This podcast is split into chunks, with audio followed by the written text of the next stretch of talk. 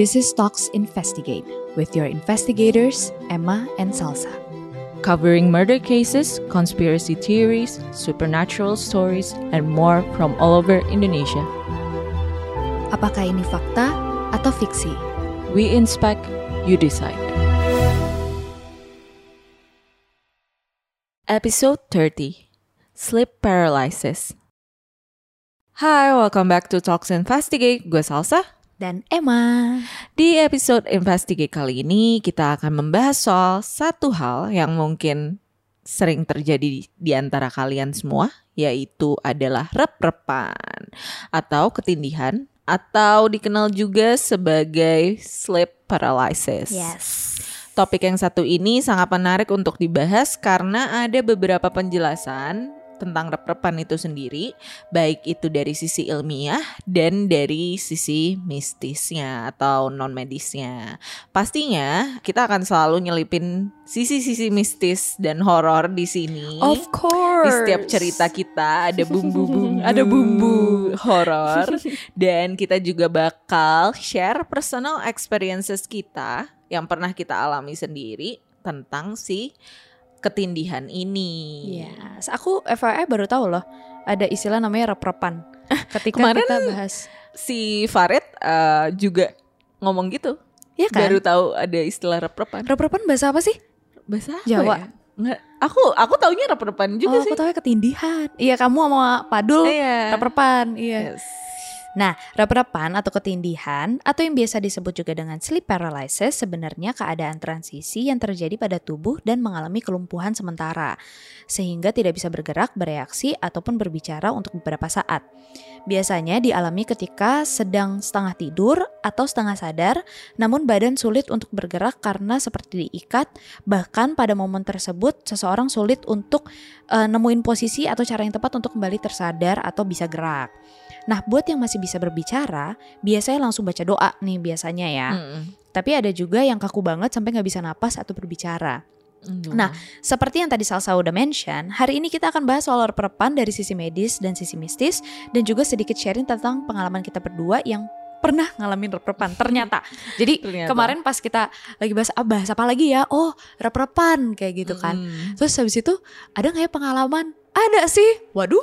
Iya, aku sebenarnya nggak nge Iya. kalau itu aku rep-repan, tapi Sama. ternyata setelah ngebaca segala teori tentang rep-repan dan ketindihan ini, berarti itu bisa dikonsider sebagai rep-repan sih. Jadi aku kayak Iya. ya udah deh gitu.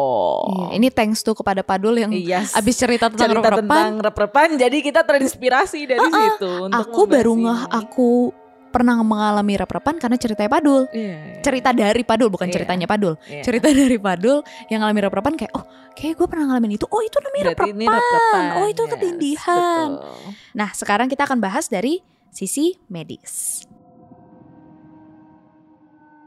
Gak harus selalu disebabkan oleh makhluk halus. Ketindihan adalah kondisi yang umumnya bisa dialami oleh semua orang dan sebenarnya bisa dijelaskan dari sisi medis.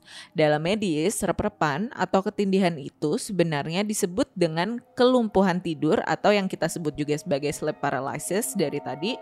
Penyebab utamanya itu karena terganggunya proses sinkronasi otak dan tubuh yang terganggu saat kita lagi tidur.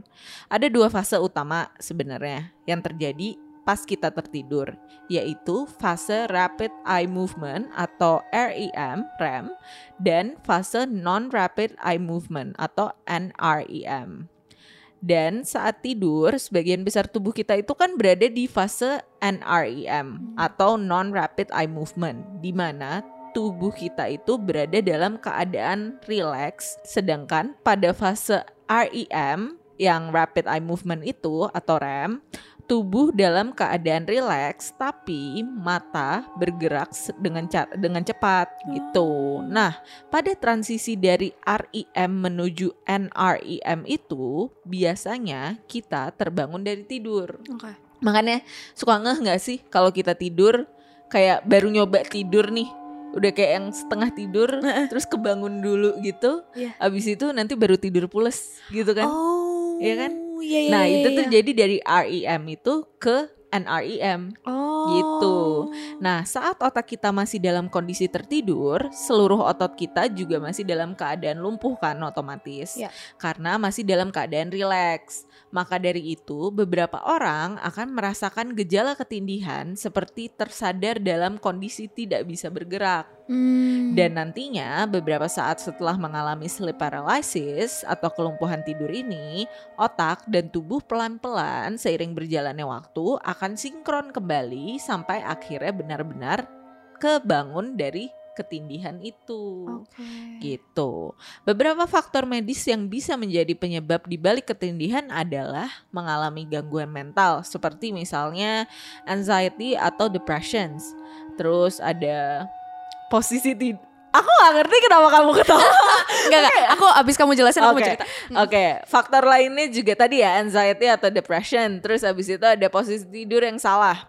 Habis itu ada narkolepsi. Narkolepsi itu adalah gangguan sistem syaraf yang menyebabkan ngantuk berlebih. Kayak itu aku deh. Kayak, nih ya, aku kayak semingguan ini nih FYI guys, semingguan ini mataku susah banget untuk terbuka. Jadi kayak nggak tahu kenapa, mungkin ada itu kali ya. Mungkin kali ya.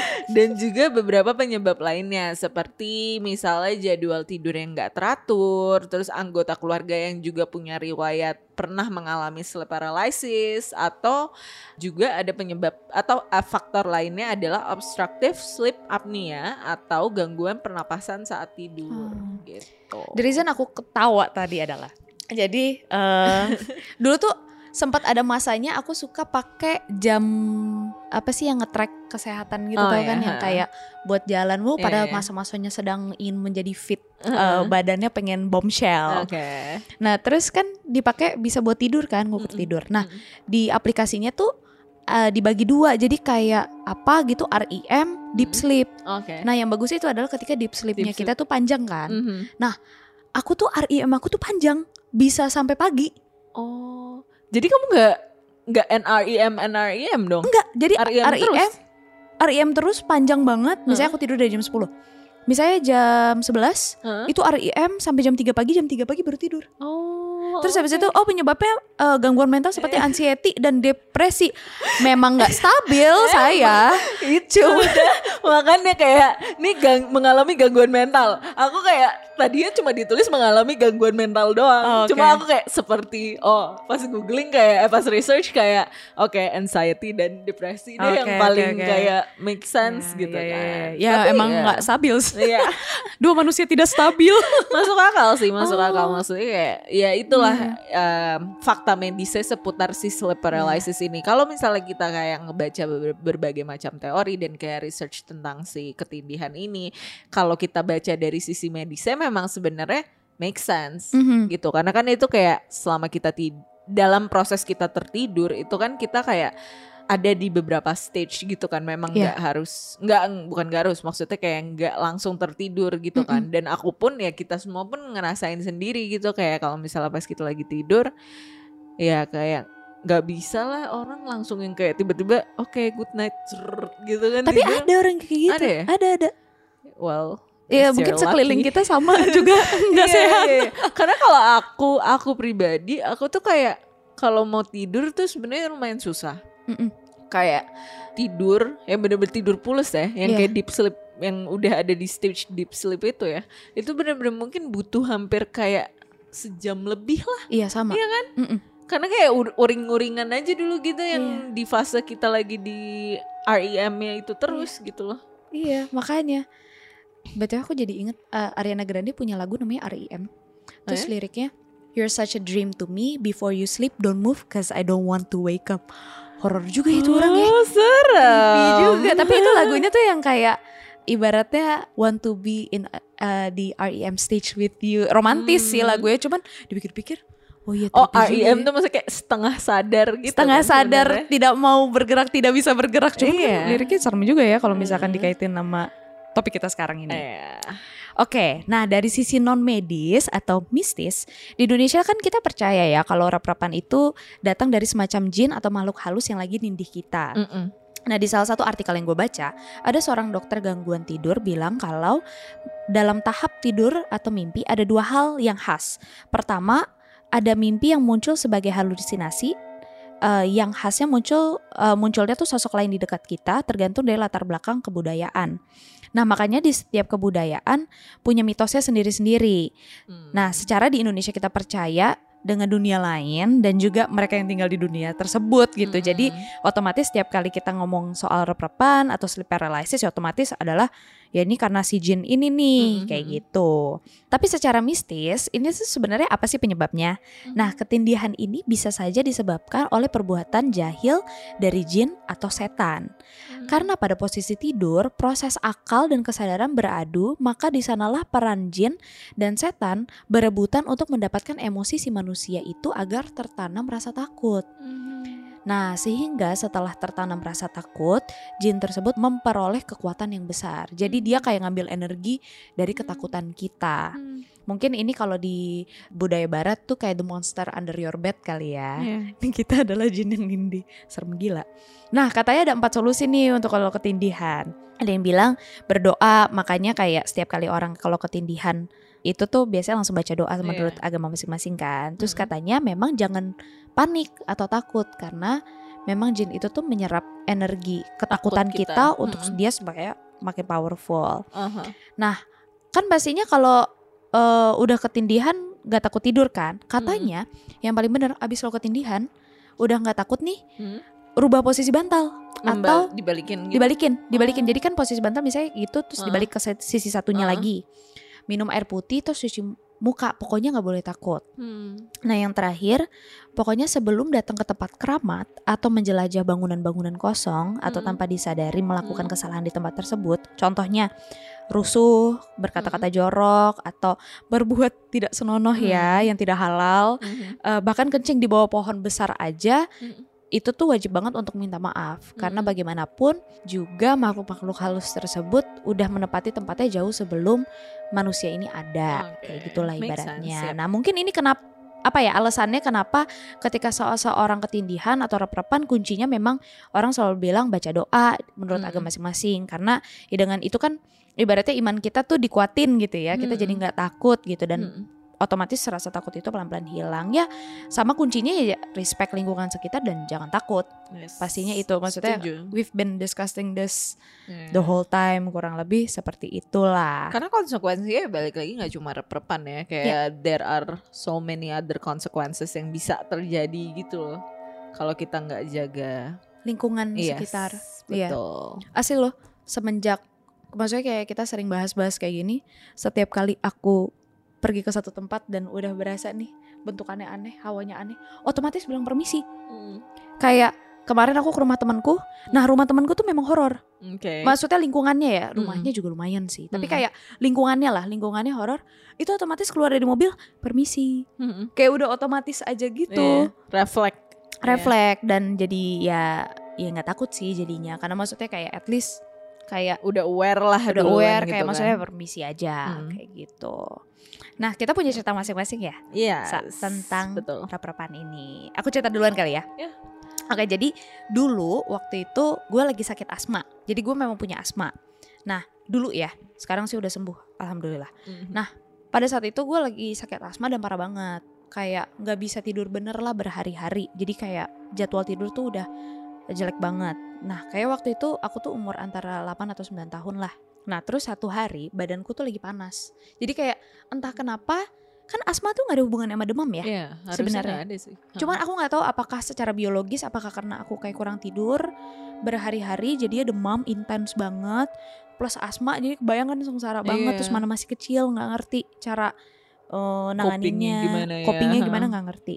One day aku tuh lagi tidur lagi istirahat tiba-tiba badanku tuh kaku sekaku-kakunya. Hmm. Aku kirain tuh aku menggigil. Kadang kan hmm. kalau kita menggigil kan kita gerak dikit ngilu yeah, apa iya, segala macam yeah, kan. Bener.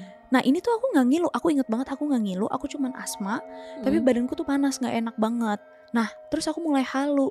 Jadi aku lagi tiduran, terus lagi kaku nggak bisa gerak. Tiba-tiba aku halusinasi lah ngeliat ada keranjang, keranjang kayak apa ya keranjang bohemian gitu, mm -hmm. Kayu gitu warna coklat tua tiba-tiba kayak berjatuhan nimpa aku hmm. terus kemudian keluarlah ular-ular aku sih di otak aku taunya itu kayak piton ya karena hmm. kayak ularnya gede yang serem gitu pokoknya ular-ular menjalar segala macam wah itu aku udah ketakutan banget tiba-tiba aku dengar di luar kamarku tuh kayak ada aku ngebayangin dulu aku bilangnya monster besar ya Hmm. karena langkah kakinya tuh gede banget Hmm. dar dar dar dar dar gede gitulah di belak ngelangkah ke kamarku. Hmm. aku lupa kayak gitu gimana tapi memang saat itu aku kayak coba untuk kayak yaudah aku merem aja. So aku coba relax relax relax akhirnya ketiduran. Ya mungkin itu lagi di RIM itulah ya. Iya. ketiduran. Besok paginya aku cerita sama papaku. Pada saat itu mama papaku kayak positive thinking banget lah ya mungkin kayak biar eh, supaya aku nggak takut. Jadi dia bilang oh mungkin kamu itu mimpi itu mimpi aja kali karena ketakutan satu. Kedua mungkin langkah besar itu mungkin abang kamu kali. Kan mama- memang abangku tuh kalau ngelangkah tuh kayak kan ada orangnya kalau ngelangkah tuh nggak pelan pelan ya. Hmm. dor dor dor gitu kan. Abangku tuh memang kayak gitu. Tapi dia bilang katanya mungkin karena kamu demam jadi kuping kamu sensitif, Sensitif, katanya yap. kayak gitu. Sampai Pak Adul punya cerita tentang rep-repan. Diceritain ke kita saya baru tahu oh itu tuh rep-repan. Mm-mm. ternyata lagian aneh maksudnya kayak asma tuh tiba-tiba demam terus katanya orang-orang kan kalau kayak kita ketempelan atau ada apa lah ya dihinggapin apa segala macam ya salah satunya bisa sakit nih kayak Iya, gitu-gitu kan benar. demam segala macam jadi itu ceritaku ternyata kasian ketika juga ya aku tapi masih kecil. kecil gitu. iya kamu juga bu waktu itu pas kecil kan Enggak sih, udah SMP sih. Oh, itu. lebih tua ya, Oh, jadi. udah SMP. Cuma tuh sebenarnya aku lupa deh, kayak aku udah pernah cerita cerita ini di episode kesurupan deh kalau nggak salah. Soalnya ini ada berhubungannya sama aku kesurupan. Jadi tuh masih satu satu situasi di situasi Iya. yang sama gitu. Jadi, jadi kalau misalkan mau denger dengerin itu kan ya Aha, dengerin dulu episode kita yang kesurupan Gak tau Yes. episode berapa tuh Berapa belas kayaknya Atau awal nggak tahu pokoknya cari kesurupan kebetulan Iya. episode kita udah 3000 Iya pokoknya jadi ceritanya tuh Aku endingnya tuh aku ternyata ketempelan lah Bukan kesurupan ya Ketempelan lah ditempelin Cuma jadi sebelum kejadian itu semua Malam aku tidur itu Aku tidur Terus di, di dalam tidur itu Kayaknya aku bener deh Aku ada di stage yang REM itu juga Aku Mhm. lagi di stage si REM itu juga Belum deep sleep Kayak baru tidur Mungkin sekian puluh menit lah gitu Iya. Belum terlalu lama Terus pas ter- aku tertidur itu aku ngerasa aku jadi aku dimimpiin dulu awalnya. Tapi aku tuh aku tahu situasinya. Aku di kamar aku tidur aku telentang. Terus habis itu kayak aku ngeliat ke atas. Dan kayak aku inget banget aku tuh bener-bener ngeliat ke atas. Dan aku ngerasanya tuh kayak eh, di depan aku di atas aku itu kayak aku ada aku lagi. Cuma aku tuh kecil kayak ibaratnya sekelingking gitu. Terus aku dikelilingin sama satu buletan atau apa nggak tahu lah itu yang Berbentuk bulat lah ya. banget. Oh, jadi dia kayak shrinking gitu dan aku tuh di tengah aku oh. nger- kamu tau gak sih mainan yang zaman dulu yang kayak dia bisa kembang kuncup ke- kembang kuncup gitu enggak gitu? tapi bisa ngebayangin Iya, maksudnya kayak kayak, semacam gitulah. gitu ya Nah dan aku tuh di tengah Terus aku tuh kayak di shrink gitu Heeh. Terus udah gitu kan Terus aku gak bisa gerak Tapi gak bisa ke mana-mana Aku gak bisa menghindar Gitu loh itu kayak kamu ngeliat diri kamu sendiri gak sih mungkin kayak Iya Tapi aku tuh gak tahu nih yang bulat besar dan berduri dan tajam ini Oh nih aku nggak tahu itu apa. Cuma aku nggak bisa ke mana-mana. Kayak tapi aku ingat kayak aku aku lupa. To be honest aku lupa. Aku pon- eh, kondisinya aku tuh melek atau merem. Cuma Mhm. aku tahu itu saat aku lagi tertidur gitu. Mhm. terus sampai akhirnya aku bisa bisa melek apa eh, sorry bisa bangun bisa sadar gitu bahwa kayak oh oke aku mimpi. Cuma itu pun aku belum bener-bener fully sadar. Sampai akhirnya aku sleepwalking. Nggak tahu sleepwalking nggak tahu emang aku udah sadar. Itu yang aku akhirnya ke kamar mama papaku. Terus aku kayak bangunin mereka. Tapi abis itu pun aku kan blackout kan. Iya. karena kan abis itu ceritanya yang aku kesurupan itu kan. Heeh. double gitu. kill Double kill itu gue. Nah terus setelah aku baca-baca tentang si ketindihan dan rep-repan dari sisi medis dan dari cerita apa dari research yang kamu juga itu, aku Mm-mm. ngerasa kayak oh oke kayaknya memang itu berarti aku sempat ngalamin yang namanya sleep paralysis juga iya sebelum akhirnya aku ternyata Iya, kesurupan iya. dan ketempelan Iya. gitu loh. tapi untungnya kita pas waktu itu ngalamin rep-repan kita nggak ngelihat makhluk ya Iya. karena kan ada orang yang bisa ngelihat makhluk yang Iya. bener-bener lagi nindi Iya, mata iya. ketemu mata nih nah, gitu aku ada kan. cerita itu juga tuh. Hah? Tapi bukan aku, tapi Oh. bukan aku. Cuma berarti kan yang kita lihat itu adalah perumpamaan kan, Em? iya perumpamaan Maksudnya kayak oke ini perumpamaan cuma ber- nah terus aku jadi mikir nih berarti ketindihan atau reprepan ini nggak melulu harus kayak lo ditindihin sama satu makhluk Iya. bisa kayak maksudnya yang kayak ada silumannya atau Iya, ular gitu siluman kan misalnya bener. Heeh. atau kayak perumpamaannya kayak aku Iya. ternyata aku itu adalah si yang berduri dan tajam itu adalah kayak lutung super besar gitu. Ternyata ya dia yang Iya. nempelin aku gitu kan. Makanya aku kayak oh oke ternyata ya berarti gue itu juga rep-repan. Nah tapi ada juga satu cerita ini sebenarnya aku ini sebenarnya bisa dibilang lumayan cerita rep-repan yang aku denger lumayan recent lah sebelum Padul ya sebelum Iya. Padul cerita ke kita cerita dia ya itu aku sempet juga waktu itu bukan cerita aku tapi pada saat itu dia orang terdekat aku ceritanya Mhm. dari orang terdekat aku ceritanya pada saat itu pas pandemi juga masih pandemi Mhm. jadi mungkin tahun lalu kali ya Iya. tahun lalu jadi kita lagi jalan-jalan aku bertiga motoran lagi jalan-jalan ke daerah Blok M waktu itu nyari tempat yang bisa karaokean tapi karena Mhm. pandemi kan susah banget kan. Iya. tempat-tempat waktu itu masih pada tutup semua. Mhm. belum kayak sekarang lah gitu. Benar-benar masih strict banget. Kita lagi nyari tempat karaokean nggak ada yang buka sama sekali. Terus ke Blok M. Nah di Blok M itu ada satu tempat karaoke yang lumayan gede lah gitu. Terus di dalam gedung gitu kan posisinya. Tapi kan kamu kebayang gak sih gedung-gedung di Blok Iya M? kebayang. yang kayak Agak creepy creepy, gitu creepy in kan. the house. Nah, terus habis itu kita mau parkir. Parkir Mhm. itu di basement. Oke. Parkir ke basement. Aku nggak ngerasa apa-apa. Aku Iya. bener-bener biasa aja. Terus habis itu kayak ya udah ternyata tutup. Jadi kita cuma sempat ke basementnya paling lima menitan gitu. Mhm. Terus habis itu udah baliklah kita balik gitu segala macam. Aku balik, teman-temanku juga balik. Terus habis itu eh, besokannya salah satu orang terdekatku itu dia cerita Iya, aku habis mimpi. Dia bilang gitu. Kayak, eh, aku tadi malam rep-repan. Dia bilang gitu. Wah, Terus habis itu, oh ya, rep-repan apa? Iya, rep-repan sama mimpi. Dia bilang gitu. Iya, di atasku ada cewek.